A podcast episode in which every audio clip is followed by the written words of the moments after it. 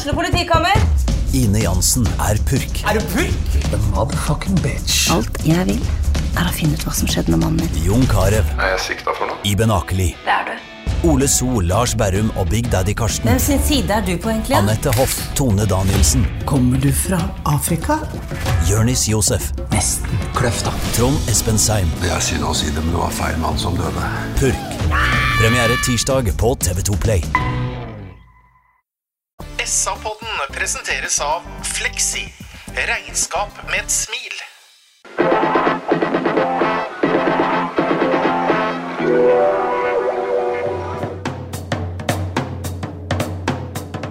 Sarpsborg Arbeiderblad gir deg en ny episode av SA-podden med Sven René Nygård, Øystein Weber, Petter Kalnes og Bjørn Inge Bingen Nilsen. Hjertelig velkommen til SA-podden og til det som er den siste ordinære podden i fotballsesongen eh, 2023. Og gjenstår både bare sesongoppsummeringen vår, og den kommer fra Olsen pub eh, førstkommende lørdag. I dag så har vi henta inn en eh, superreserve i form av Geir Arnesen. Hei, Geir. Hei, Petter og Vingen. Hyggelig å være her. Velkommen tilbake. Takk. Geir er eh, sporty og hopper inn fordi både hans venn René Nygaard og Øystein Weberg er blitt uh, sjuke. Jeg vet ikke, Bingen, de tåler ikke å være ute i været, kanskje? Nei, De hadde vel en tøff kveld i går begge to, så da er det vel fort gjort at det blir sånn. Jeg tror ikke det, Bingen. Men jeg vet er at den eneste som hadde en tøff kveld i går, det var du. Jeg heter fortsatt Petter Kalnes og skal uh, geleide oss gjennom en eh, fotballkamp fra Aspmyra i Bodøbingen som endte 2-0 til eh, hjemmelaget. og skal vi si at det var omtrent som forventa? Ja, det var som forventa. Eh, synd at ikke Veberg var her, men det var jo eneste jeg som tippa rett eh, resultat den gangen her. Og jeg tippa jo 2-0 til Bodø-Glimt. Og det er vel eneste gangen én har fått rep, rett, og da Ja. betyr vel det at jeg er tippemester, SA-poddens tippemester. Det får vi se til lørdag. Men eh, uansett så var det som forventa. Jeg syns det var et knepp opp eh, fra uh, Molde-kampen. Uh, Bodø-Glimt er et eh, godt lag. De har eh, Tar du spiller for spiller, så er det vanskelig å spille seg inn for en 08-spiller på, på det gode Bodø-Glimt-laget. Eh, de har eh, voldsomt tempo, de har eh, ballbehandling, de etablerer seg på vår eh, banehalvdel. De skaper jo selvfølgelig mye rom for oss, men vi evner nok ikke, vi har nok ikke tempo til å ta de romma eh, og, og gjøre det store. Eh, jeg syns vi hadde en hederlig innsats, og at Bodø-Glimt var gode, rett og slett. Ja, Geir, det er et, eh, det er et voksent fotballag, det, det Glimt-laget, og det var jo ikke mye, eh, mange sjanser Sarpsborg klarte å skape. Nei, det var ikke det. De hadde vel eh, et par muligheter i første omgang, og så var det vel en to-tre muligheter sånn midtveis i andre der. Men, men Ballina var omtrent likt, men Sarpsborg hadde ballen mest midt på banen og virka ikke veldig farlig. Så var det dessverre et par defensive feil og som eh, egentlig gjorde at Glimt skåra. da. Man kunne gi fra Glimt skåret mer mål enn de to eh, etter hvert, men eh, det var jo et par litt sånn unødvendige feil som egentlig medførte at Glimt fikk to mål. Så jeg er enig med Ingen. Det var fortjent Glimt-seier, altså. Før vi går videre og snakker mye om Sarpsborg 8, så kan vi jo, uh, så skal vi, skal vi hylle høyrebekken til Bodø-Glimt. Bris Bagomo fra Tveterskøvan, hadde nær sagt, uh, Bingen. Han har tatt sitt første seriemesterskap. uh, har spilt seg inn i landslagsdiskusjon og er fast inventar på et, uh, et av kanskje tidenes beste norske fotballag. Fin karriere. Ja visst har han det, og han har jo for så vidt måttet gå omveien nå. Og så er det jo en litt sånn eh, flott historie i forhold til at han nettopp har måttet gå omveien eh, om, eh, om lag som eh, han spilte seg bedre og bedre og kom oppover i systemet, og avslutter nå på Norges Eller avslutter, jeg vet ikke om han blir solgt eller om han skal være der videre, men han har i hvert fall gjort en fin karriere og spiller på Norges beste lag og kroner det med en, en gullmedalje og spiller i Europa og spiller fast og har en Han har jo et tempo for, for et topplag i Norge og et lag som spiller i Europa, og han er jo eh, voldsomt eh, kvikk og har eh, ferdigheter når han fører ball i, i høyt tempo, og har jo ingen problemer å gå av gå av verken ledd eh, framover i banen eller eh, sidelengs i banen. og Spiller nok på små marginer noen ganger, men som regel så, så går det bra. og Det er en god spiller. Veldig god spiller. Ja, Små marginer er jo et understatement, guy, er det ikke det? Han tar sjanser. Ja, han gjør det. Eh, men eh, han er jo utrolig kvikk, da. Eh, og, og flink til å, å, få med seg ballen. Flink til å gå av en mann, faktisk. Han er ekstremt rask. Eh, og I dag var han ute på tur et par ganger der, men han hadde, hadde flaks da og fikk med seg ballen. Mm. Eh, men jeg har sett den på Glimt i, i Europa, og, og, han har klart seg bra der òg. Eh, slet nok litt når han var venstrebekk, ja. for han er jo veldig høyrevendt. Men mm. nå på høyrebekken så er han blitt en, en, en veldig god norsk bekk blitt. da. Mm. Ja. Han har gått omveien til eh, topplagbingen. Han starta jo i Sarpsborg, selvfølgelig. Er det noen grunn til at vi skal sitte og være forbaska på at ingen uh, var litt mer tålmodig med når ga den sjansen? Eller måtte den ja. gå den veien for å bli fotballspiller? Jeg vet ikke. Jeg, det virka som på en måte at uh, nettopp det som vi snakker om i forhold til små marginer, ble mm. banenes tidlig karriere i, uh, i 08. Uh, Snakka med en av to trenere den gangen som uh, som var under den. og Det var for stor risiko i spillet hans eh, som gjorde at banen hans ble kort i, i 08. Han eh, hadde vel omveien, husker ikke helt rekkefølge, men det var vel både Fredrikstad og det var uh, Jerv, Grimstad. Jerv Grimstad. Og så ble det vel uh, Sandefjord, da, og, og, og så til, uh, til Bodø. Og gutten er jo ja, nesten glemt hvor gammel han er, men hvis jeg tenker at uh, Bris Nei, uh, Ygg er 30, og så er vel han her en fire-fem år yngre, kanskje? Han er født i 96. 96, ja. Sånn Regnervingen, jeg tar til huet, men, det er 27. Ja, da er han tre år yngre, da. Ja. 27 år, så han har jo liksom eh, Det har blitt litt sånn late bloomer, med, eh, bloomer men det er en fin historie. Mm. Og så er det vel sånn at eh, Kjetil Knutsen ser etter ekstremkvaliteter, Geir. Og her er det jo først og fremst fart, som du sier. Ja, det jeg har hørt at Knutsen ser etter spillere som har en naturlig kvalitet da, mm. i seg. Og i Bris har han nok sett fart. For han er jo ekstremt rask. Og Glimt liker jo å, gå i angrep med, med, mye folk. Og det er jo veldig deilig å ha ekstremt raske spillere bak, bakover mm, på banen. Mm. Absolutt. Vi gratulerer Bris Magomo med et velfortjent seriemesterskap. Bra jobba, Bris. Eh, Stefan Milborn han gjør et eh, grep eh, fra start av i dag, Bingen. Det er å sette Bjørn Inge Utvik på reservebenken. Eh, foreløpig så har ikke vi i SA kommet med noen forklaring på det, for det, vi, det jobber eh, utsendte medarbeider Mats Duan Hansen med as we speak, som det heter, nå søndag kveld. Da du hørte det, hvordan leste du det? Eh, har Utvik skrevet kontrakt med en annen klubb? Jeg kan ikke spekulere i hvorfor han gjør det nå, men jeg syns det var noe rart å gjøre det akkurat i siste kampen. Da. Eller så var det for å la skipper kan være som du sier, at vær så god, skipper, nå er det opp til deg å vise at plassen er din, for nå da spekulerer jeg likevel, da. Nå har, nå har Utvik signert et annet sted. Ja, bra. Men, men det er ikke noe eksempel i den siste seriekampen. Altså, mener jeg, da kunne vel kanskje statuert et eksempel tidligere, eller? Nei, altså, Det vet jeg ikke, men, men uh, i dag var det i hvert fall ikke noe risiko sånn sett å, å sende den på benken. Det er jeg ikke tvil om. Uh, og Det kan jo være et signal om at, uh, om at uh, vi ønsker at du nå snart må bestemme deg, hvis mm. de ikke har gjort det. da. Men jeg vet ikke jeg, hvordan du tenker nå i denne verden hvor spillere kommer og går. Så er det vanskelig å si liksom, hvorfor han ble satt ut akkurat i dag. Det virker på en måte unødvendig sånn sett. da. Ja. Og så fikk, fikk han jo ikke Han var jo med som egentlig stallfyll i dag. Han satte jo inn uh, unge Haug ja. uh, for, for, skipper uh, mot slutten av kampen òg, så det var jo, han fikk jo liksom ikke kjenne på det i det hele tatt. Nei.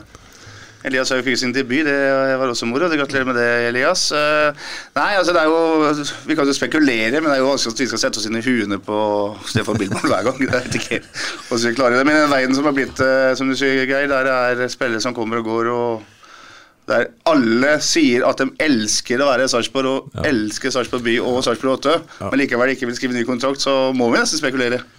Sånn er det jo blitt. Ja. Kjetil Haug står i mål for siste gang i denne omgang for Sarpsborg 8. Skal tilbake til Toulouse i Frankrike. Eh, vi kan stoppe der, vi, Bingen. For eh, Kjetil Haug har gjort en bra høst, jeg er enig om. Ja, jeg syns du kan dele den i to. Ja. Eh, Jeg syns han hadde et voldsomt godt inntreden og spilte med stor autoritet første halvdel av oppholdet sitt. Og så har han på en måte falt litt med laget, han òg. Han har ikke vært så fremtredende. Han har noen redninger i dag som går på intuisjon og reaksjon, hvor ballen treffer den osv. Og, så og det var ikke noe lett kamp å bli matchvinner i, for eh, Haug i dag. Men eh, jeg syns han hadde en mer solid opptreden første halvdel av oppholdet sitt enn han hadde i siste halvdel. Det er min mening. Men han har utvilsomt godt av å ha spilt en, Han er en halv sesong her nå. Jeg kunne jo gjerne tenkt meg at han mm. hadde Men det er, er jo ikke sånn. da, Nå har vi jo så mange keepere, så det òg er en sånn usikkerhet for dem som er igjen. Men eh, han har hatt godt av å spille, og han eh, holder definitivt et godt uh, eliteseriemål. Så det er jo egentlig bare opp til han sjøl å bestemme om han kommer ut av kontrakta si eller ikke. Han, eh, han vil vel gjerne kjempe om plassen der nede, men det ble jo en ny trener. Det ble vanskelig for han. Hadde fått signaler om å være nummer én-keeper, og så ender du opp som nummer tre-keeper når det er eh, en, et trenerbytte. Det er jo ikke akkurat det som er gøy, og samtidig så skal du ha kontrakt fram til ut i hvert fall sommeren 27. Så det kan jo bli en veldig kjedelig situasjon for han, eller så går det mot et nytt låneopphold. Ja. Vanskelig det med keeper og spilletid, Geir. Man må spille fotball for å utvikle seg. Ja, det er jo helt nødt til. Nå har, nå har vel Sarpsborg 08 nå har vel en, er det fem-seks keepere, eller? Det er veldig mange. Så mm. her må det ryddes. Ellers så vil jeg jo si at jeg er helt enig med deg, at jeg syns Cato Haug, Kjetil Haug, Ja. kom inn der to til første matchene og var ekstremt god. Altså, Han var liksom, han var på en måte tryggheten sjøl. Ja. Og så er det blitt noen sånne små feil og litt sånn eh, Ja.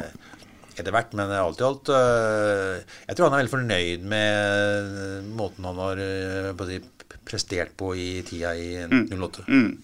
Han, eh, vi, om vi ikke var, si, vi var overraska, så var han for imponert over hvor rolig han var, og liksom hvor trygg han var. Når han ja, tross alt kom med så liten ballast. Da. Og jeg Altså, mente jo til og med at han var eh, mer og mer han kom til å spille, mer og mer het ville han bli eventuelt i en landslagsdiskusjon nå. Eh, og jeg tror eh, det handler om eh, Det er kort vei inn i en landslagstropp for han hvis han får spilt regelmessig, det er jeg helt sikker på. Men det er ikke så lett å følge med på han på et B-lag eller C-lag i Frankrike. Nei, nei. Det er helt riktig. Kjetil Haug står i mål. Eirik Vikna er høyrebekk, og, og Anders Kim er venstrebekk. Anton Skipper og Franklin Tebo er midtstoppere. Sentralt på midtbanen junior og Viktor Torp til høyre. Niklas Sandberg tilbake fra start. Til venstre Mikkel Maigård. Ramón Pascal Lundqvist var i tierrolla, og Jo Inge Berge var eh, opp front som eh, spiss. Jeg har lyst til å bruke et minutt på Anders Kim. Som gammel venstrebekk her, så blir du vel varm om hjertet når du ser han. Ja. Ikke så lik deg, forresten, men Ja, er litt mindre. Ja, ikke sant? Men han er rask, ja, vet du. Du var rask, du. Jævlig rask, faktisk. Ja. Uh, det er, det er Husker du det, Bingen, det forresten? det er noe Ja, årsaken. jeg, jeg, jeg, jeg spiller jo sammen med Ja, men husker du at han var rask? Ja, det er, han spilte jo med en autoritet. Jeg kalte han bare Otto Reagel eh, en periode i userie. Han var jo bare strakk armen i været, og så Så gikk han i- så blåste han gikk han i duett. Nok om det, Anders Kim-Geir. Ja, nei, men vet du hva, jeg syns uh, han er god. Han, uh, han har jo ikke så mye erfaring. Uh, og blir jo matcha litt forsiktig. Men mot Molde og nå i dag syns jeg han har han er god. Han er frisk, god framover. Og så ser du at han, har- at han har høy fart. Han har veldig høy frekvens.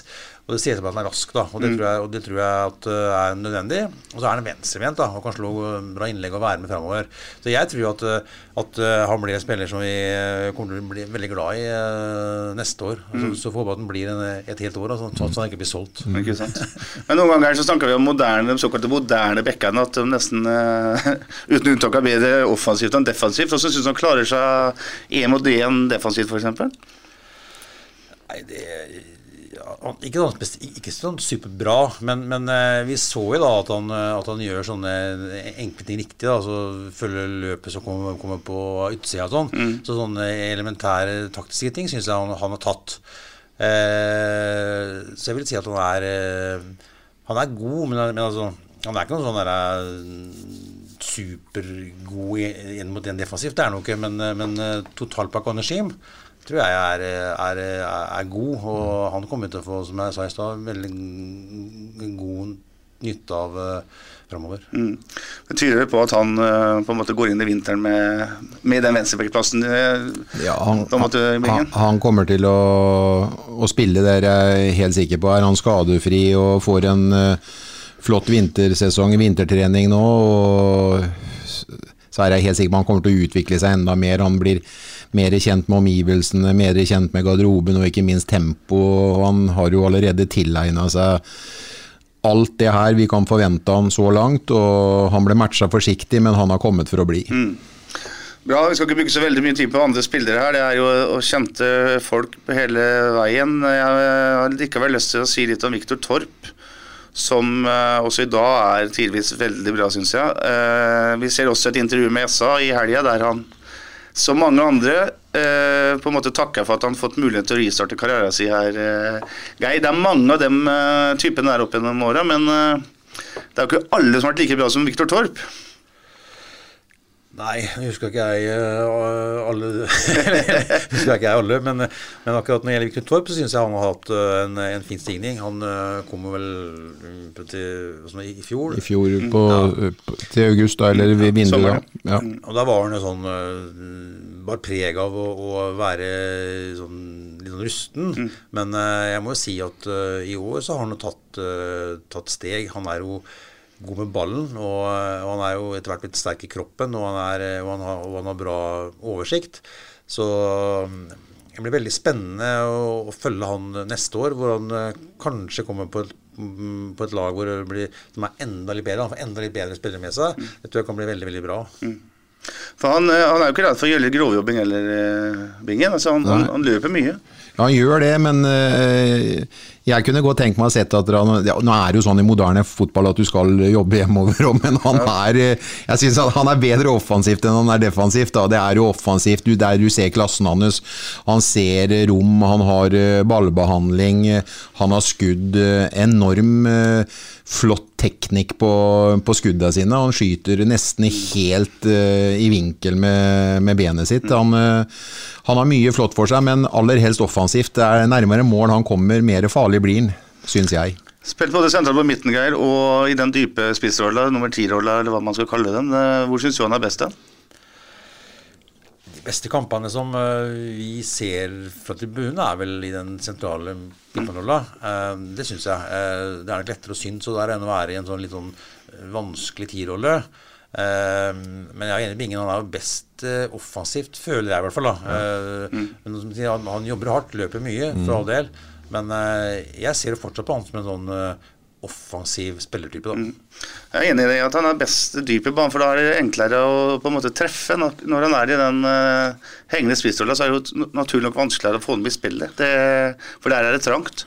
Så uansett så er vel Viktor Torp kanskje den uh, gjennomgående beste, iallfall offensive spilleren denne sesongen, tror jeg vi kan uh, trygt si. Kampen starter med at uh, Bodø-Glimt uh, ja, bare tar tak i ballen, og det er jo Nesten som forventa det òg. Det går bare 48 sekunder før Kjetil Haug må ut og gjøre et bra inngrep og et innlegg i retning Pelle- Pellegrino, som egentlig bare kan sette ned åpent mål. Men da går, kaster Haug seg ut og bryter ballbanen. Bra gjort av uh, Kjetil Haug. Etterpå så så det ut som Kjetil Haug hadde tippa på et tidlig Bodø-Glimt-mål, for der slår han ballen rett i brøstet på Jeg hørte reporter sa det til- utover i kampen, at han hadde spilt seg opp etter en noe rusten innledning. Ja. Men det der er sånn som man må Ja, jeg Få vekk, vet ikke, han gjorde jo det nede på stadion da det ble dømt straffe som ingen skjønte noen ting når, eh, når det ikke ble straffa likevel. Nei. Nei, det var ikke mål. Jo, nei, det var straff. Nei, de skåra! Han skjøt den rett i brystet på en. Ja, ja, ja. Så er det Så går det Det går litt fram og tilbake, men det er, eh, det er Bodø-Glimt som stort sett har, eh, har ball. Det er et par overgangsmuligheter for Sarpsborg 08. Eh, Jeg syns, Geir, at akkurat i det overgangsspillet så har man litt å gå på. Og veldig ofte så syns jeg kanskje det går på det, det valget spilleren gjør. Eh, Er du enig, eller eh, tar jeg feil? Akkurat tenker så, kontringer, altså. ja, ja, akkurat i dag så var jo, hadde jo, som, som sier, eh, en, et par gode sjanser eh, midtveis i omgangen der. Og eh, det ble jo litt sånn puslete, da. Det ble jo litt eh, løs pasning. Eh, og så- tenker jeg da at eh, i og med at det ikke er noe spesielt fart på topp, at de sliter kanskje litt med å liksom, Når skal jeg slippe ballen, liksom? For det er litt vanskeligere. Du må slippe den akkurat, akkurat tidsnok, da. Så, eh, så valget er nok litt sånn Det blir litt sånn eh, Når skal jeg slippe ballen, eh, egentlig? Og så og så var- og så- og så i dag ble det også litt unøyaktighet. Men det er mulig at det har med valg å gjøre, men uh, i, i dag syns jeg i hvert fall at det var litt unøyaktig pasningsspill, som var den, den største årsaken til at de ikke lykkes. For det vi ser på treningbingen er jo en av de øvelsene bruker veldig mye, er jo en sånn uh, jeg holdt på å si Det er sikkert en halvveis kondisjonsøvelse, men det er sånn du, du angriper fire mot to. Uh, der det går fram og tilbake i 100 hele tiden. Og der er det jo ganske bra kvalitet, for da, men der handler det om å å, å utfordre en forsvarsspiller, altså slippe ballen i rette øyeblikk. og Jeg syns det er litt å gå på der. Du tenker på at du får farlig brudd imot, er det det du tenker Nei, jeg tenker på når Sarpsborg får brudd av sine og kontrer. og Ja, sånn kontrer. ja, at ikke vi gjør det helhjerta. Ja, ja. Gjør det helhjerta, men valget er, eh, gjør at man på en måte ikke får noe ut av det. Jeg tenker at de, at de, at de slipper nok ballen litt tidlig, da. Mm. Altså, altså de, du må komme nærmere stopperen da, til motstanderlaget før før- de slipper ballen. Ingen Og trøbbel. Det, det kan jeg tenke meg at, at det skjer når de t- på det. da. Mm. At avstanden er mindre, og slipper liksom akkurat riktig. Mm. Men det ser ut for meg at de slipper den ballen litt for tidlig. da. Det er liksom ti meter fram til uh, stopperen. Og skal ballen være jæklig presis, og så skal du ha en rask spiss. da. Jeg mener at du skal utfordre mer. Ja, ja, Utfordre, ja, ja, ja, ja, stopperen mer før, løpet kommer. Ja, Føre ballen lenger, da. Ja. Og da, og da må spissen også da på en måte holde igjen en vinkel, eller ta Ja. noen eh, Ja. Hva heter det for noe? Bueløp. Ja, For også å kunne utnytte bedre. Og der er det vel Det blir kanskje litt sånn rette vinkler, da. Og, da er det, og der blir, det enklere å, å forsvare, da. Ja. Forbedringspotensial. Hampus Andersson, hent eh, gode kontringsspillere. Og gi dem litt arbeidsoppgaver her i bingen. Ja. Eh, 13 minutter. Anders Kim slår en deilig tunnel på Bis uh, Magomo. Det ender ikke noe i noe annet enn uh, corner. Og så er det ja, Det er en stygg hodeduell etter kvarter. Anton Skipper blir tatt uh, ganske tøft av Faris Mombagna i en eh, duell midt på banen. Heldigvis reiser Anton Skipper seg. Eh, etter 19 minutter så får Sarpsborg 08 eh, smake hva det betyr å gjøre feil mot uh, Bodø-Glimt, eh, Geir. Det er Tebo som Ja, jeg vet ikke rakker hva han skal. Han skal slå en kort, enkel pasning, men uh, treffer en gul en istedenfor en blå en. Enkelt og greit. Ja, det ble så illegærent òg, vet du. Han, han var jo der, sto, sto egentlig helt alene. Og så bare bommer han, liksom. Det er veldig merkelig. Ja. Og så er det jo selvfølgelig ja, Det er jo Eliteseriens toppskårer som til slutt får muligheten. da. Og han er jo, han er jo arrogant, sikker, når han eh, kommer alene med Kjetil Høie der. Ja. det har han eh, Den har han satt mange ganger. Og der, der bingen, der vet jo Kjetil Haug at den her kommer i det hjørnet der, fordi han gjør det hver gang. Men det, han er utafor rekkevidde hans, rett og slett. Ja, han, eh, han setter opp den vinkelen så veldig fin. Du vet jo egentlig at han kommer her, men du, du har ikke sjansen likevel. Han gjør det veldig godt. Han vinkler den så jæklig godt. Kommer akkurat inn i posisjon, drar seg akkurat det lille inn, så han trenger å få den vinkelen, og da, og da kommer han. Og han det er jo signaturmålet hans. Og så er det vel også noe med avstand eh, Han skyter fra, altså avstand fra keeperen når han skyter. Ja. Går nærmere, så gir han egentlig ikke Ja, keeperen større sjanser. Nei, han, han klarer å få han, øh, få han akkurat på avstand, at han blir øh, overrumpla med, med den bua rundt. Han gjør det veldig godt, han er god som bare den. Eh, kommer du til å Nå skal jeg spørre deg litt, for dere hadde Nå Kjære i studio, nå skal jeg ta litt eh, Eller lyttere, nå skal jeg ta litt ansvar her. Eh, skal spille opp dere to, for dere hadde en så veldig fruktbar eh, samtale. Skulle egentlig vært spilt opp før vi starta i dag. I forhold til eh, når vi spiller på oss brudd. Eh, Geir, vi er jo bestandig i ubalanse. Hvordan er det med Petter, og hvordan er det for en bekk, eller for en stopper å spille uten bekker når vi er sånn i ubalanse som vi er? F.eks.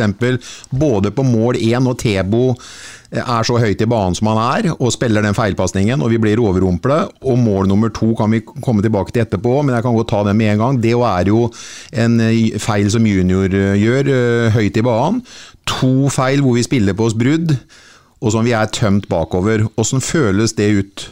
Gutter, som stopper å, være tilbake da uten bekker? Ledende spørsmål.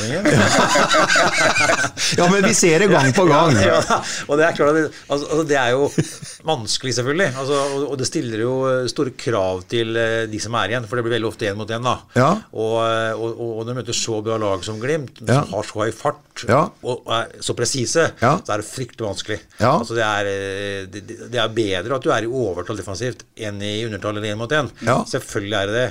Og det er vel svaret på det. Altså, Syns vi gjør det hodeløst, Petter? Ja, men, jo, ja, ja, altså som gammel eh, 80-tallist, da. Ja. Lærte å spille fotball på 80-tallet av Dag Navestad og IFK Göteborg. Ja. Så, så er jo dette her eh, å spille hasard. Ja. Eh, når begge bekkene går, eh, stopperne står høyt. Ja. Én av to midtbanespillere er også godt. Ja. Så det er jo, men så kan du velge å være glad i en uh, Billborn som tar sjanser. Ja. Eh, eller så kan du si at det er å være hasardiøs og, og ta, ta altfor store sjanser. Jeg er litt delt for jeg elsker måten han spiller fotball på. og- Jeg elsker tankene hans, og, og, og når det funker, så er det jo fantastisk bra. Ja. Men det stilles voldsomme krav til forsvarsspilleren, altså. For individuelt, ferdigheter. Du står gjerne to mot to. Eh, før i tida, da. Eller Ja. i Hvis du tar Sven Jørgen Eriksson, Gunnar Bengtsson, Drillo, Ja. Nils Johan Semb. Eh, alt i overtall. Ja. Sånn er det ikke det systemet her. Eh, hvordan Kjetil Knutsen tenker om det her, det vet jeg ikke, men eh, jeg, jeg har aldri sett en trener med så, eh, altså, så offensiv tilnærming til fotball, altså. Og da er det sånn at en feilpassing midt på banen er livsfarlig, for det er Folk har gått, begge bekkene har gått. En, en av to sentrale midtbanespillere er borte. Og da har jeg lyst til å spille, stille spørsmålet, da ser vi forskjellen på når du snakka om når vi klarer å eh, spille motstanderen svak, altså at dem spiller på seg brudd, så går det litt tregere i lengderetning. Vi er ikke nøyaktige nok vi gjør det. Ser du Bodø-Glimt, når, dem, eh, når vi spiller på oss brudd, så er det rakettfart framover. Det er ikke noe sideveis da å dulle og se seg om. Da går den direkte i lengderetning med en gang. Ja, og det vet jeg ikke, Geir, om det også den delen av Bodø-Glimts angrepsspill er innøvd. altså etter ballerobring, eller, eller er det intu- intuisjon som uh, dukker opp her? Etter jeg har skjønt, så er jo det noe av det som Glimt eh, er gode på, da. De er ekstremt uh... Nå hyller vi Glimt litt, da, men vi, Ja, ja, vi får noe svar i forhold til eh, oss sjøl òg. forflytningsdyktige, og de er jo de flytter seg veldig fort. da. Så Molde på stadion sist gang, samme greiene der, hvor, hvor de ligger bakpå. De, de er litt kjedelige å se på Molde, da. de ligger med fem bak og sånn. De er ekstremt gode når de først har muligheten, å skape overtall. 120 km rett mot, uh, mot 08s mål, og skaper da trøbbel for Sarpsborg, selv om Sarpsborg har ballen hele tida. Og litt sånn blir det da mot Glimt òg. At du vet at hvis du mister ballen ugunstig, så blir du hardt straffa. Ja. Så kan du velge å si at ok, skal vi prøve å spille vårt eget spill selv mot Glimt? Og det syns jeg i en sånn kamp som det her. For du- skal du lære noe, så må du, så må, eh, så må du jo eh, forsøke. Du kunne kommet unna med 0-0 sikkert. Og banka langt. Hva er det for noe? Så jeg syns du skal prøve, da. Ja. Men så er den der balansen, da. Altså, for det er ingen tvil om det. At det er jo baklengsmålet som er Sarpsborg 08s største utfordring her, for å kunne komme høyere på tabellen. Og hvordan skal vi løse det enda sikrere i frispringsfasen frispringfasten bakfra? Fortsatt små marginer, men sikrere. Ja. Eller være litt mer forsiktig. Det er jo valget som noen må ta. Vi husker en kamp for Aspmyra for et par-tre år siden da Mikael Stare stilte opp med Det var vel ikke seks bak, men det så i hvert fall sånn ut. Og man slapp unna med ett baklengsmål, tror jeg. De tapte den kampen der òg, men det er klart det er en annen tilnærming til det eh, på Aspmyra. Men det er i hvert fall tilbake til spørsmålet ditt, Mingen. Det er helt overbevist om er at du må, du må ha to gode eh, midtstoppere i det systemet her. Altså, det Tebo gjør i dag, er dødssynd. Ja. Den, den kan nesten ikke miste ballen. Og så må du ha, selvfølgelig ha sentrale midtbanespillere med enorm radius. altså Sånn som Juno var på sitt beste i fjor, da, når han eh, dekka opp Soltvedt og, og, og Vikne når de var på tur. Sånne, vi må ha sånn eh, ryddegutt på midtbanen. og Der har vel ikke verken Jeppe Andersen eller junior vært helt Nei, i helt og junior har, eh, junior har vært prega av skader. Veldig eller De preget. har prega sesongen hans, så vi vet jo hva som bor i han hvis han kommer tilbake på det nivået sitt igjen. Men eh, vi trenger noen ryddegutter der, sånn, eh, à sånn som han var i fjor, eh, og sånn som selvfølgelig Saletros var. Ja. Som dekka opp for bekkene sine. Men eh, det er jo nesten litt eh, tilbake til eh, målet til junior, så er det nesten den til Tebo, det er jo et brudd på egen banehalvdel. Som han spiller, han spiller jo bort ballen. Den er grei. Eh, Det er en pasningsfeil, og den må han ta på sin kappe. Men eh, det er nesten litt rart å si at der, junior skal ta han på sin kappe, for der er han godt innpå banehalvdelen til eh, Bodø-Glimt. Men når det bruddet kommer, og den feilpasningen kommer, eller han får, får den opp i ryggen på seg, han er ikke oppmerksom nok på, han trodde han hadde bedre tid enn han hadde, så er det nesten gærent å si at det er på en måte den, det, det er en feil han gjør som får konsekvenser for skåringen, ja, men det går så ekstremt fort i lengderetning. Det er nesten fra han mister ballen på deres banehalvdel til ballen ligger i mål, så går det vel ikke fire sekunder engang. Nei. Og da er det mer å hylle egentlig å hylle Bodø-Glimt enn, enn å ta Billboard-systemet for akkurat det bakgrunnsmålet der, kanskje. Ja, Ja, ja altså, altså, de er veldig gode på det. Altså, altså, det er jo angrepsspill her òg, som er godt. Ja. Altså, det er jo ikke Alt skyldes jo ikke svakt spill defensivt. Altså, det er ofte, mål kommer ofte av feil og sånn. Du kan alltid si at du skulle pressa eller du skulle gjort ditt og datt. Men det er klart at Glimt utnytter det veldig bra. Presise mm. og kyni, eller, kyni, men k- k- kliniske. Så er det klart Glimt er gode på det, altså. Men tenk dere hvordan fotball har utvikla seg fra Det tar to svenske trenere. Ta, ta Gunde Bengtsson av IFK Göteborg, som var etterfølgeren av eh, Svein Jørgen Eriksson. Det, det, var, det var forbud om å spille på markert folk på egen banehalvdel, på midtbanen. Du kunne kanskje gjøre det i angrep. Altså Hadde du en mann i ryggen, så spilte du ikke opp en midtbanespiller. I dag så greier altså dem, dem eh, de dribler seg bak kanskje, de, de spiller på folk som står trangt med, eh, og egentlig er markerte. Det er, er helt annen tilnærming til fotballen. Altså, jeg, jeg, jeg skjønner jo ikke det. Men nå, nå har jeg etter hvert sett så mange ganger at nå aksepterer jeg at det er sånn, sånn er fotballen nå i dag. Det er ikke noen sånn vi holder på. Eh, Men du ser jo ikke bare Sarpsborg 8, du ser jo hvor som helst. Altså, jeg følger Liverpool, eh, som kanskje noen kjenner til. Og det er jo samme der. De, de, blir kjørt over. Nei, de slår ikke langt og reorganiserer. Nei da, ut fra keeper og spiller kort igjen. Ja. Og det er liksom greia. Og det er jo øh, Da mener vel trenere at du får mer igjen da, for det eh, i det lange løp. Og heller miste en, eller en gang eller to, men du får mer igjen for det. Og det er jo klart at du utvikler spillerne, da. For du, du, de er jo ekstremt gode med ballen, de spillerne. Det er, det er, 8 har aldri hatt så gode spillere med ballen som du har nå. Og så må være klar over at det er ekstremt vanskelig, det, det de holder på med. Det Torp-trim, f.eks. Det, er, det er høyt nivå på, altså. Det, er- det, det, det må alle være klar over. ja. Absolutt. Og avslutningsvis med midtstopperspørsmålet så er jo derfor det er så viktig å beholde Utvik, er faktisk verdt så mye, etter min mening. nå. Ja. Spille med ball. For han er blitt bra, vet du. Han, han slår gode pasninger og, og er en, en som, som kan systemet veldig godt. Så vi får se hva som skjer med, med kaptein eh, Utvik. Uh, 1-0-målet kom altså til 19 minutter spilt. Så er det ja, Det er ikke mye sjanser, Geir. Du har notert her litt, du òg. Jeg har én eh, stor mulighet til junior etter 35 minutter, som eh, et langt eh, angrep ender med en eh, slags retur på ca. 16 meter. og det er ikke noe som heter strømpetreff, så var det iallfall det der et eh, strømpetreff fra junior. Ikke noe særlig, særlig god treff. Eh, omgangen avsluttes med Ja, først så tvinger Gulliksen Kjetil Haug til en god redning. Og så har vi Saltnes en kjempesjanse på, på slutten, som uh, ikke ender i mer enn en corner. Men det står ikke mer enn 1-0 til, uh, til pause. Det var iallfall bedre innsatsbingen enn det man så på stadion mot Molde sist. Ja da, og det var eh, å gå til pause med, med 0-1 eh, der oppe, det er vel for så vidt hederlig det, i forhold til spill og sjanser òg, så er det vel uh, helt, helt, helt fair å ligge under 1-0 til pause. Eh, Stefan Bilborn bytter ut høyrebekken sin i pausa. Eirik Vikne blir igjen i garderoben. Peter Reinhardsen eh, kommer inn. Har du noen følelse med om det var siste gangen vi så han uh, ja, Nå hørte ikke jeg det Nei, men det gjorde jo dere. Og da sier jo at han tar den ut pga. energilekkasje. Og da, Ja. da tyder jo det på kanskje at det har vært noen samtaler uh, inn mot uh, kamp som eh, har fått huet hans på et annet sted. Og da mente vel Billborn at han så det i første omgang, da, og mente vær så god, Reinhardsen. Nå det Gå ut og ta, ta vis hva du, hva du kan. Er jo forundra over at uh, profesjonelle fotballspillere ikke klarer å ha huet på Jeg vet ikke om Vikne ikke har klart å tenke to tanker, da, men uh, det har jo prega dem i høst, dette her, Geir. Sånn, Ser det sånn ut i hvert fall? Ja, ja, det gjør det jo. Eh, har sagt at uh, det ikke er tema, men det er jo klart at de gutta her snakker om agenter, snakker sikkert med, med, med, med samboer, familie. Skal vi flytte, hvor skal vi bo, altså med unger. Altså det, altså, det er klart at øh, de snakker om det, og at de bruker energi på det. Det er jo ingen tvil om. Og tida går jo, og de vet jo det at hvis ikke jeg får et tilbud snart nå, og Sarpsborg får inn en, øh, en ny en, så er det ikke sikkert jeg har noe her heller. Så det er klart at de tenker på det. Det er jeg helt overbevist om. Men uh, hvordan det slår ut i match, det, det vet jeg ikke. Men, uh, men Wilhelm snakka noe om noe energilekkasje i dag, når det gjaldt Vikne i hvert fall. Ja, jeg gjorde det. Jeg gjorde det.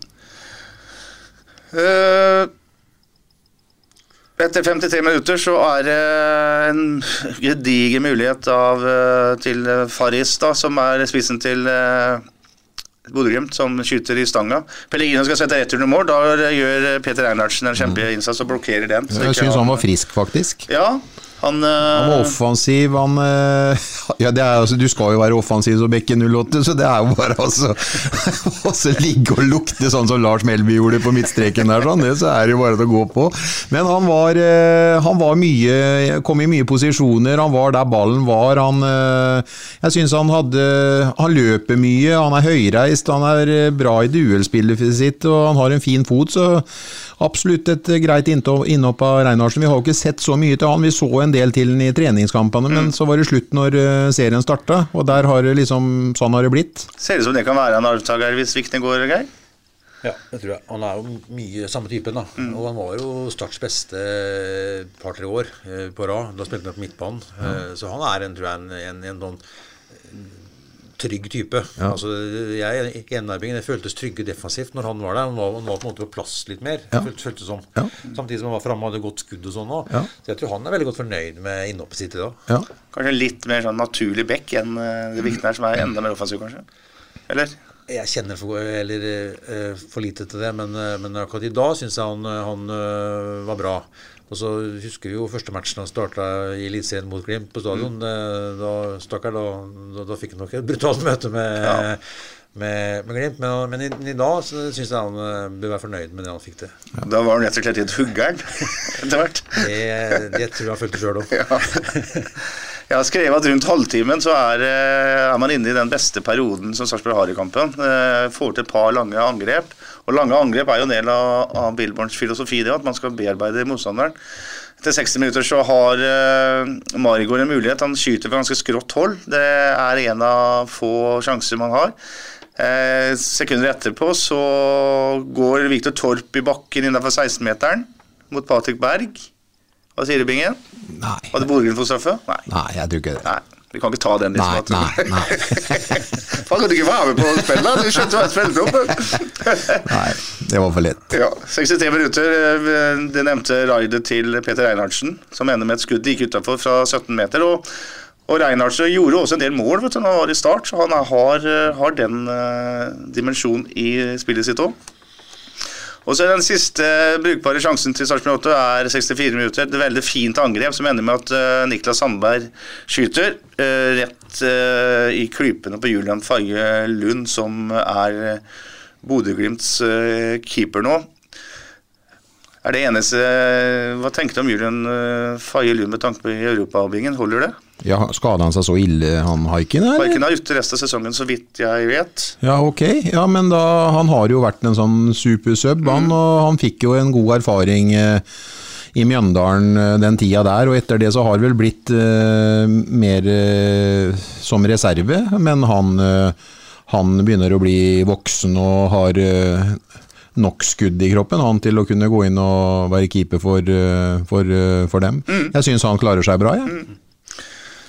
71 minutter så blir Jo Inge Berg erstatta med Kristian Fardal Oppsett. Eh, Skal vi si litt om kampen til Berg i dag, Geir? Det er en ringreve ringrev av en spiss, men det er ikke så veldig mye han er med i spillet. Nei, han øh, synes ikke så godt. Han blir vel øh, spist opp litt. Eh, det er vel sånn at han er vel avhengig av medspillere han som andre spisser. Med, og er vel ikke sånn en type som kan gjøre så mye på egen hånd. da. Han er vel avhengig av mm. å være link-spiller og kanskje være i boks, men det var jo ikke så veldig mye som han fikk å jobbe med da heller, så det var nok en uh, veldig vanskelig oppgave å være spiss på, på laget da. Og det ble noen kontringer da som, som uh, Sarpsborg fikk, da. Og det er klart at da, da er hurtighet som det på en måte er, eller, som er, er viktig å ha. Og, det, og han er vel ikke verdens uh, raskeste nå, så jeg tipper han han hadde vanskelige arbeidsforhold, og, og for å være så på TV, så var han ganske usynlig. da. Mm. Hva tenker du om uh, det at man ønsker å knytte til seg Berget osv., med tanke på at man uh, altså Som som en spiss i duo med, med, Henrik Meister, da, som jo forhåpentligvis er unge dansken, som forhåpentligvis kan være et sånn stjerneskudd neste år. vil Berget være en sånn perfekt komplimentspiller til han? Ja, det, det, tror jeg. Altså, men når du har blitt så gammel som, gammel som han er, du, så handler det litt om si, hva slags type du er, eh, både i garderoben mm. og på banen. Og etter hvert skjønt så er han en veldig fin type. Og det er klart å ha en sånn, en, en sånn fin type med hans erfaring, eh, både for det han har vært med på, eh, og som spiller, så må det være utrolig nyttig. Og, eh, og for en ung spiller som eh, han Meister må det være fantastisk å ha en sånn type ved siden av seg, både på kamp og på trening. Vi hørte kommentatoren på TV da, Sabinger, at det var han er fortsatt den mest meritterte ute på den banen her i dag. Ja. Uh, det var jo, er jo Donvær som har vært ute ja. en vinternatt før. Jeg får håpe det blir Jeg får håpe det er skarpt nok, da. Jeg, eh, som han Geir sier, han, eh, hvis han blir signert, så så kan Han blir nok veldig mye alene. Nå spilte han mot et godt forsvar i dag, og han ble spist opp, men det kan hende at han finner tonen med en meister, og Lundqvist er vel nesten opplest og vedtatt at det ikke skal være her noe lenger. så alle kan jo ikke forsvinne heller, så jeg får nesten håpe på det. Men han må jo ville det sjøl, og hvis han syns det er vanskelig med familien eh, der nede i Sverige, og han skal være spiller her oppe, så han er jo å være profesjonell. Men uansett, det er vel ikke kanskje helt ideelt heller. Tankene vil vel ikke akkurat være helt påskrudd hele tiden, vil jeg tro. Du savner nok dem der hjemme. Mm. Ser du for deg han i den tierrolla, her? med Meister foran den? Ja, det tror jeg. Han er jo en eh, klok spiller, vet du. Og han har jo masse erfaring, og han vet jo hvor rommet er hen, og, og, og, og, kan sikkert bidra uh, mye sånn taktiske valg, kanskje litt på kampen og nå. Ja. Se litt rom og være noen uh, ledertype. Så um, jeg jeg tror på sånne at det er noen litt erfarne, men det er en forutsetning at de ønsker sjøl. Ja. Kanskje ikke spille hver gang, og, mm. og er en sånn type som kan dra med seg for nå skal jo det komme inn flere yngre spillere. Tenk å komme til et lag og ha en sånn fyr. da. Ja, ja. Champions League, Premier League, mm, altså mm, seriemesterskapet ja, i, i, Sverige. Altså Det må være fantastisk. Mm. Absolutt. Ja, er, jeg er helt enig med deg, men det, det må det, det, må være riktig for ja, ja. både 08 og han, ja. han personlig er det viktigste at han føler at det er riktig. Mm. Jeg tviler ikke på han som spiller, men det er nok ikke bare bare å bryte opp uh, fra, fra, kone og barn uh, på den måten. Nei, spørsmålet er Han bor i, bor i Malmö, i Skåne, og spørsmålet er hvilke alternativer som er rundt den, på det nivået han kanskje vil være på. Det kan jo kanskje fort dukke opp noe i, i, Danmark, og det er jo bare å kjøre over brua. ikke sant? Det er, det er, jo en del muligheter her, men uh, Det er jo det. Og de se. har jo fått med seg nå Jeg følger jo litt med på svenske aviser, og de har jo fått med seg at han det ble jo slått opp voldsomt, det der med de tre måla mot, uh, mot Rosenborg ja, bl.a. Så de har fått det med seg at han uh, har på seg drakta igjen. Mm, mm. Vi får se. Vi håper vi ser Jo Inge Berget i blåhvitt også neste år. Uh, eh, 73 minutter så er det Sondre Brustad Fett som treffer tverrliggeren fra kort hold. Og etter 74 minutter så kommer 2-0-målet til Bodø-Glimt. Nino Sogail som uh, utnytter da en uh, ja, en feil av junior, men altså den som Bingen helt riktig sier, er på offensiv banealder, men det blir en kontring imot. Og uh, Pellegrino skyter først, og så returen setter Sogail i mål. Hva er riktig uttalt, Trubing, Du som er eh, Nei, akkurat han vet Du jeg kan vel ikke. sikkert jugos, eh, holdt på å si kan, jugoslavisk, kan men ikke eh, noe, kroatisk jeg har kan du- spilt sammen med jugoslaver, men jeg, han kjenner jeg ikke til. Bra. Nå er det kvarter igjen, så kommer Simon Tiblin inn for eh, junior. Og så har eh, Maigård en liten mulighet på første stolpe. Et innlegg som han prøver å hæle inn, som han har gjort mange ganger før. Det får han ikke til. I stedet så er det Amal Pellegrino som også har en stor mulighet. Som blir redda av eh, Kjetil Haug. Ja. Og så ny, nok en god redning av Haug. Og så avsluttes vel matchen på mange måter ved at uh, Elias Haug får sin eh, debut når skipper går ut. Og så kommer også Martin Høiland inn for Ramón Ramon Pascal Lundqvist. Og da endte det med 2-0 til Glimt i årets siste kamp. Og det er bare å gratulere Bodø-Glimt med nok et seriemesterskap. Vi skal ta resten av runden nå, for eh, det her ble høydramatisk. Jeg vet ikke om dere satt og så litt på andre match her òg.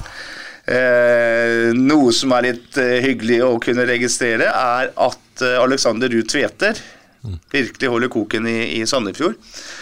Eh, Oppfatta vel ikke han som Guds gave til spissene når han var i 08, Geir, men eh, han er seig, altså. Holder koken. Ja, altså, han, er, han er jo seig, han er, han er, han er hardtarbeidende. Eh, og en, eh, sikkert en veldig fin spiller å ha på laget. Eh, og han Ødegaard som eh, trener eh, Sandefjord og sier at vi, vi, vi kan ikke plukke på øverste hylle. Vi. Må, vi må få tak i eh, spillere for, for, som kanskje ikke er dem som blir tatt først, og lage et lag ut av det. Og i en sånn kategori er han rutinerte glitrende. Og det er klart at det er litt press på gutten når han skal sette, sette en straffe. Da, altså. På Åråsen, han vet hva det gjelder, og er iskald. Ja. Og Det er, jeg, jeg, det er faktisk litt imponert. Og jeg så han satt jo i straffe i forrige kamp, og da setter han ned til venstre. Nå setter han vel eh, mot høyre, eller om det var omvendt. I hvert fall han skifter iallfall for hjørnet. Det var trygg der. U- Uten at jeg skal hakke på deg, eh, Geir Otto Reagel, men uh, satt han den straffa i Sandefjord, eller satt han den på Lillestrøm? Han satt den vel for Sandefjord på ja, Hva faen hva, hva, hva, hva, Kampen ligger i Sandefjord. Ja, gjorde det? Ja. Ja, det var det jeg mener. Så. Så jeg bare, Det var det han sa, jo. Åråsen. Mot Lillestrøm, eh, Åråsen. sa jeg det? Så Når han satt den eh, på Åråsen. Jeg bare for rette, for jeg må ha noe på det. det. vært enda bedre enn sånn der, ja. Jeg må ha noe.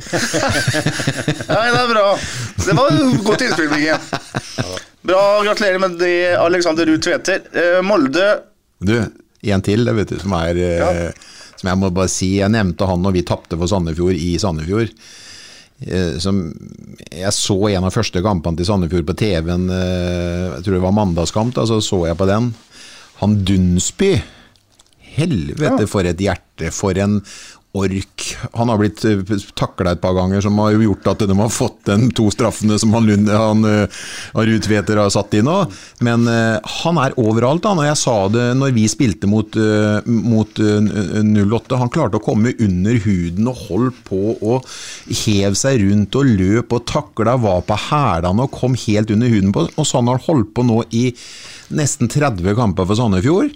Og det kommer du langt på. En vanvittig mentalitet, og så dedikert til jobben sin, å være så på. Det koster, Geir, å være på i alle faser av spillet gjennom 90 minutter. Og han løper til han ikke orker å løpe mer. og når de andre ikke orker, så løper han enda mer, liksom. Han er, han er helt rå. Så han har jeg lyst til å følge med litt på. Husk på den Dunsby. Du er glad bare- i Sandefjord-laget, du? ja, ja, men han synes jeg, ja, men så han, hørte jeg jo han sa nå at et par, av- spillerne allerede var ja, Stopperen Toivo, eller hva han sa? Var, eller var en av dem som var klar for, for Lillestrøm? Og Ja. De har jo noen, Han, hatt noen eh, profiler i det laget der. Sånn. Det er ikke bare kvist og motvi, altså. Han svensken som kommer fra lavere divisjon, Ja. skal vel til Glimt, skal han ikke det? Ja, Det har jeg også hørt om. Ja.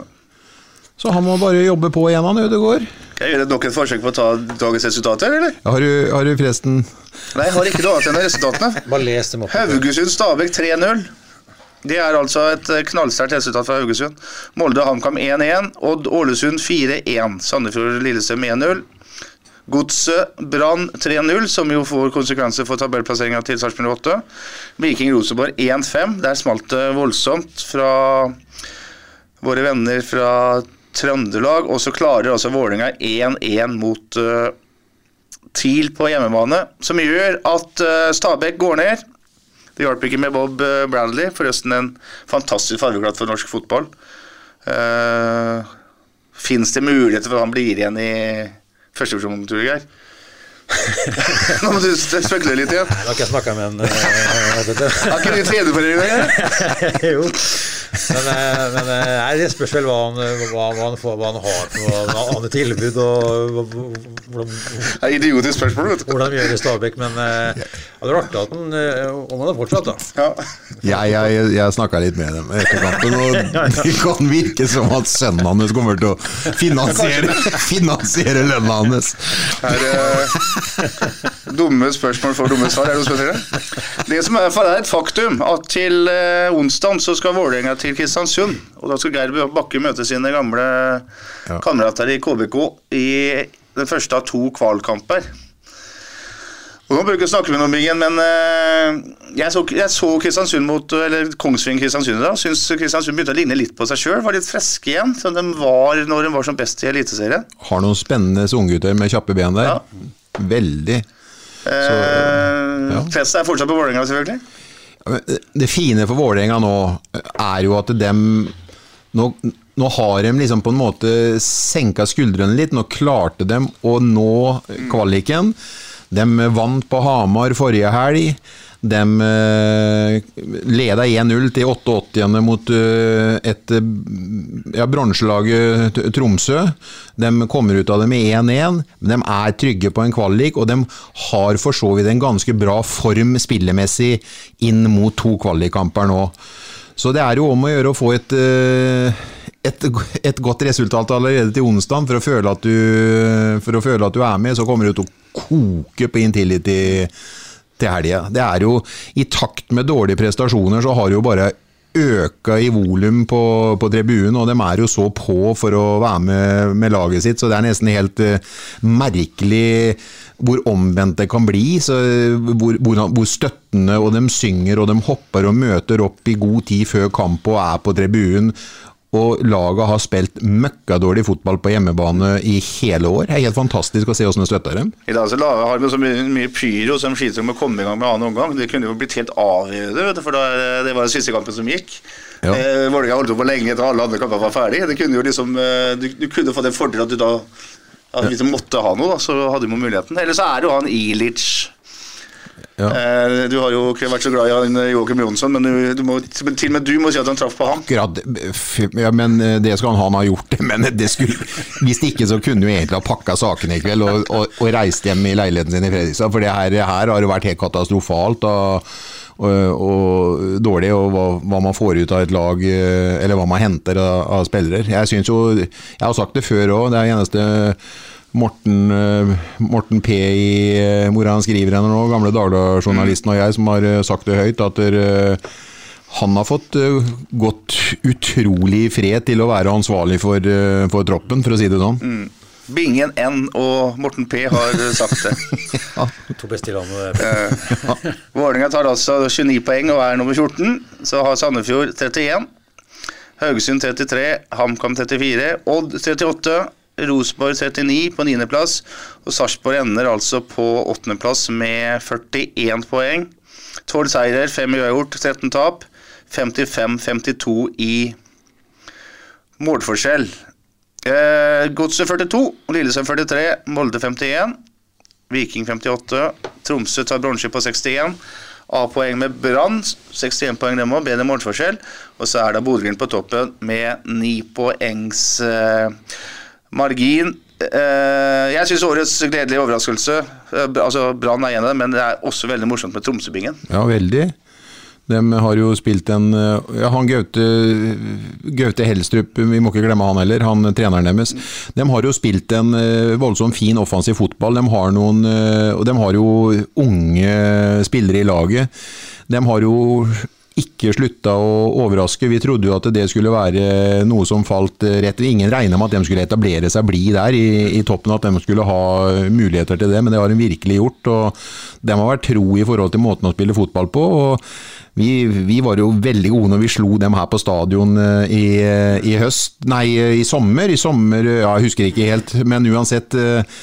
Det var jo en hyggelig kveld for oss når vi slo dem, og vi trodde vel aldri at jeg skulle holde helt inn for dem, men det har de gjort. Så det er bare å gratulere med, med, med bronsa, og dem skal ut i Europa. Mm. Burde også, skulle også slått dem på Romsø Arena. Da var det jo egentlig Bråtes klart best, men slapp inn to mål helt på slutten av matchen, nesten på overtid. vel. Ja.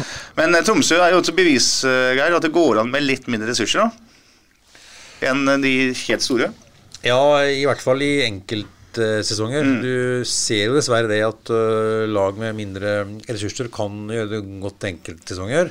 Eh, så det blir veldig spennende å se om du klarer å følge opp det her da, eh, med, med litt mindre ressurser enn uh, en Brann, uh, Vålerenga, Viking, Glimt, Molde. Så, men det er helt klart et friskt pust. Så all ære til hva de har gjort i år.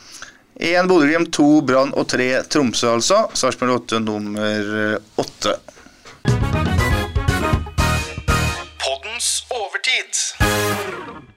Og nettopp uh, Sarpsborg 8s uh, tabellplassering skal vi bruke noen minutter på før vi tar uh, kvelden. Vi skal ikke oppsummere sesongen, for det skal vi gjøre i uh, livepodkasten fra Olsen førstkommende lørdag. Der er det fullt, men uh, podkasten blir også ut, lagt ut på vanlig måte.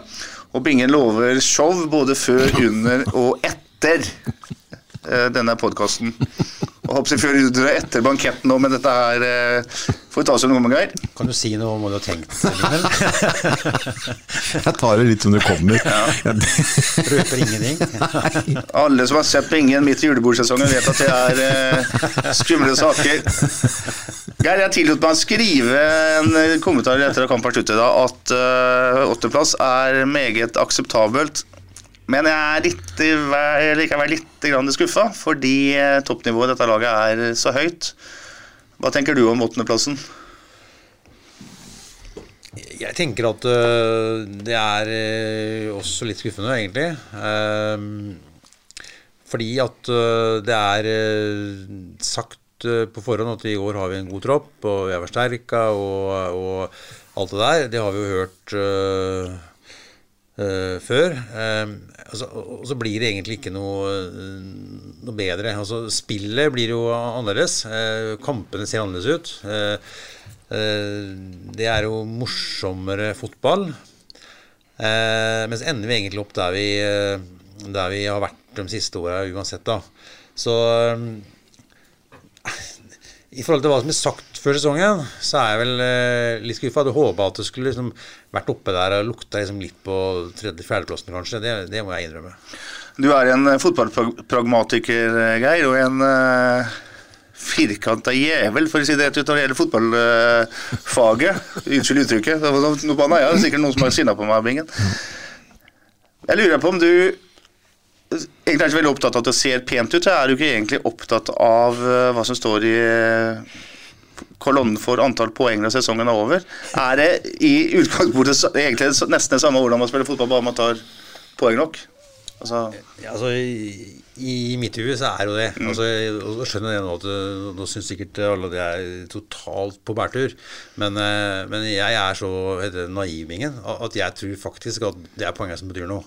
Og så, og så skal det ikke være drittkjedelig, men og vi skal angripe alt det der. Men, men, men, det kan ikke bli for mange, mange mål i ræva. Baklengsmål. Vet du hva, jeg, jeg blir helt matt av no- no- noen av de målene som, som har gått inn bak. Eh, så, så jeg tror at, at skal det bli en bedring, så må vi se færre baklengsmål, både hjemme og borte. Eh, og gjerne skåre like mye, men, men eh, om du klarer å slippe inn mindre mål ved å bli bedre eller gjøre mindre tekniske feil, eller ta mindre risiko, det må jo Billborn finne ut av, men det, det må skje. mm. Men skyldes det systemet mer enn enkeltspillere, eller er det, er det spillerne som ikke er gode nok? Hvis du aldri gjør en teknisk feil, vet du, så kan du spille hvilket system du vil. Da, da vil jo, da vil jo eh, det her gå bra uansett. Men eh, eh, jeg ser det at, at fotballen har blitt sånn eh, som vi ser den på stadion. Eh, Vi ser, ser jo det på, det på TV hvert år. eh, Eller hver helg nå. Så jeg tror at fotballen eh, er blitt sånn vi skal spille ut bakfra. Og det syns jeg er helt greit. Eh, For det utfordrer spillerne, og det blir bedre. Og, og det liker vi. Men eh, det er noe med den der risikoen der, og ferdigheter og vurderinger der. som går for feil for mange ganger. Eh, og Det er sikkert masse analyser og tall, og kan sikkert alt om det der, sånn, hvorfor det skjer. Men, men det, det, må bli bedre. Husk på at det, det er bare tre lag som har sluppet inn mer mål enn 08 i, i sesongen her. Mm. Og skal du komme høyere på tabellen, så må du jo slippe inn Begynne i den der. Inn, ja, jeg jeg syns det, da. Mm. Fra kyniker Arnesen til romantiker Bingen, Bjørn Inge. Hva, hvilken eller hvor fornøyd er du med denne åttendeplassen? Jeg er, jeg er ikke misfornøyd. Jeg syns, jeg syns vi har hatt en sesong hvor det har vært litt sånn brente muligheter i flere kamper. Jeg tenker ikke på Molde i dag og, og Nei, Molde sist og Bodø-Glimt uh, i dag. Men uh, f.eks. dem her som vi har tatt opp før, som Veberg har tatt opp med, med dem antatt svakere lagene som som øh, Ålesund, øh, HamKam, Sandefjord osv. Vi, vi, øh, det virker som dem enke, enklere motstanderen er, desto større trøbbel får vi. Og hva kommer det av? Det, det, det, det må du bare spørre trenerteamet om psykologen ikke har vært på jobb, eller om guttene ikke er påskrudd, eller hva det er for noe. For det er, jo litt, det, er jo, det er jo forferdelig merkelig. Det er jo veldig merkelig. Men eh, jeg er fornøyd med tabellsituasjonen. Eh, jeg ser jo at eh, signeringer har hatt en påvirkning på oss i positiv grad. Jeg syns ikke det så så lyst ut i februar måned. Jeg så jo at det ble bedre, og jeg syns jo at sommervinduet ja, Bonsu Ba kom jo som en åpenbaring, og så forsvant den og la igjen mye penger i potta, og klubben valgte å være offensiv. og Vi har nok uh, fått en tabellposisjon uh, som fortjent, men, uh, men, skulle ønske at vi hadde bete bedre ifra oss mot antatt svakere motstand. og det ligger jo penger i potten i forhold til å klatre høyere på tabellen nå. Det, det hadde jo vært, vi kom i et ingenmannsland mot slutten som gjorde at det begynte å bli litt sånn litt, det ble litt sånn kjedelig, syns jeg, sånn personlig i hvert fall. At vi, vi, hadde, vi følte jo ikke vi hadde noe å spille om. Sånn som vi eh, holdt på en tre-fire år med, med, å være med i nedrykkskampen nesten helt eh, Spesielt det året oppe på Åråsen i siste seriekamp osv. Faderen, vi var jo helt på tå og hev. Jeg skvatt jo bare noen snakka til meg, liksom. Nå har det vært helt avslappa. Ja, ja. Så jeg er fornøyd med tabellsituasjonen, men det er kjedelig når ikke det handler om noe til slutt, da. Mm. Og så er det som Øystein Weberg alltid sier når vi snakker om eh, fotball, og dette er jo ferskvare, og vi skal stille krav, og vi skal være halvveis misfornøyd med åttendeplass. Vi har levd i en by her i mange tiår uten at det var i nærheten av dette. her. Nå har man altså spilt elleve sesonger på rad i ja. Eliteserien, har etablert seg. Og spiller fotball i Eliteserien år ut og år inn, det skal vi være glad for, Geir. Ja da, og det er veldig bra. Eh, det som er eh, Eh, en fare er jo at eh, den eh, oppvoksende generasjon de er, de er vant til at det her er nivå. Ja. Og da, liksom, Vi husker jo ja. når vi var best i byen, Ja. Det er jo mange år siden, og vi var det i mange år. Ja. Eh, og Den oppvoksende generasjon husker jo ikke det. Nå er det så lenge siden at, at de som er voksne nå, eller vokste opp nå, de, de har bare sett eliteseriefotball. Ja. Og da er spørsmålet liksom, hvordan skal du ta det et steg videre, da, så vi, så vi klarer å på en måte skape entusiasme. Mm. Eh, skape, altså Få flere helter helter, få flere unger på stadion, og, ja. og, og, og få mer på stadion. Ja. Derfor er jeg veldig glad for at de sier nå at jo, i år skal vi, nå skal vi eh, redusere antall spillere i troppen. Den skal bli bedre, og vi skal bli nummer tre. Og Det betyr at må, vi må ha spillere, vi må ha fasiliteter, vi må ha trenere. Alt det er sånn eh, må bli bedre. Og at de tør å si det høyt, syns jeg er veldig bra. Altså, så, jeg, så, jeg, tror at det her, at vi forhåpentligvis da, eh, kan nå få, et, få, få se ett steg opp. Mm. Også så blir det jo spennende. Jeg kan si hva vi vil.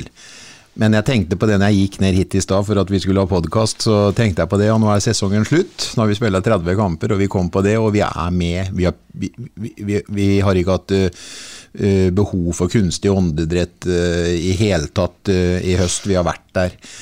Og nå er det bare å glede seg, og så vil det jo bli en enorm interesse og entusiasme inn mot sesongen for oss, selvfølgelig for at Fredrikstad har rykka opp.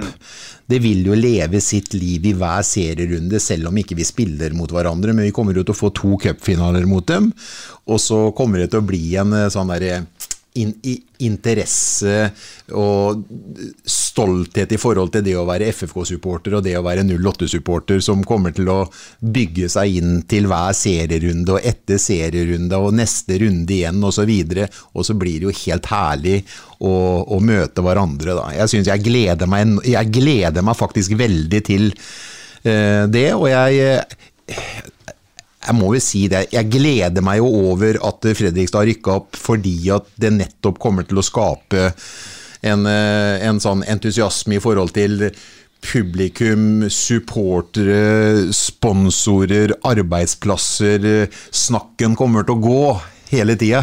Det gleder jeg meg over. Det er bare å, Jeg kjenner for litt gåsehud når du sier det, Biggen. Det skal bli en uh, ja. herlig fotballsesong. Og det er bare å glede seg til uh, at vi skal kaste litt meldinger både i øst ja. og vest, og ikke minst nedover elva. Vi lar det være siste ord. Det er, dette var da årets nest siste fotballpodkast. Det siste kommer neste lørdag. Legges ut uh, på lørdagskvelden, tenker jeg, eller søndags uh, formiddag. Da håper vi at uh, Øystein Veberg og Sven René Nygaard har kommet seg opp av sykesenga. Men jeg må si det Arnesen de snakker om oraklet fra Vetatoppen, men det er ikke så gæren den oraklet utenfor Ullerøy, heller? eller? Geir er flink. Geir er flink. Jeg, jeg er fornøyd. Jeg, altså, men, men, men, men, jeg stiller jo selvfølgelig i en annen divisjon enn eh, Øystein Weberg. Han er økonom, han kan jo Excel og sånn, og det, og det, det kan nok jeg. Ja, Excel er eneste Øystein har full kontroll på. Bra, takk skal du ha, Geir, for at du kom. Du kommer sikkert igjen en annen gang. Og i like måte, Bingen, bra jobba. Ja, bra, like måte. Vi høres til lørdagen igjen. Jeg heter Petter Kalnes. Fotballsesongen ender med at Sarpsborg 8 blir nummer åtte på tabellen. Og om uh, mange måneder blir det, fire-fem måneder, så er uh, Sarpsborg 8 klare for sin tolvte strake sesong i Eliteserien. Vi prekkes! Vi prekkes. SA-podden presenteres av Fleksi. Regnskap med et smil. Ukens annonsør er HelloFresh. HelloFresh er verdens ledende matkasseleverandør og kan være redningen i en travel hverdag. Mange av oss har nok vandret i butikken både sultne og uten en plan for middagen, som ender med at vi går for de samme kjedelige rettene gang på gang. Middag burde være dagens høydepunkt. Som Hello Fresh kan du nå velge mellom 25 ulike retter hver eneste uke, eller få Hello Fresh til å sette sammen menyen for deg. Dette gir deg muligheten til å prøve nye og spennende retter alene eller sammen med familien. Du velger antall porsjoner og får alt levert på døren på et tidspunkt som passer for deg. Oppskriftene er enkle, og maten er lett å lage både for store og for små. Ved å få alt levert hjem får du også mer tid til å dele matgleden med familie og venner. Kanskje det frister med asiatiske tacos eller greskinspirert kylling? Da kan jeg anbefale deg om å gå inn på hellofresh.no. Her kan du bruke koden FOTBALL og få opptil 1779 kroner i rabatt på de første fem matkastene hvis du ikke har prøvd Hello Fresh tidligere. Du kan også bruke rabatten hvis du har vært kunde og stoppet abonnementet ditt for tolv måneder siden eller lengre.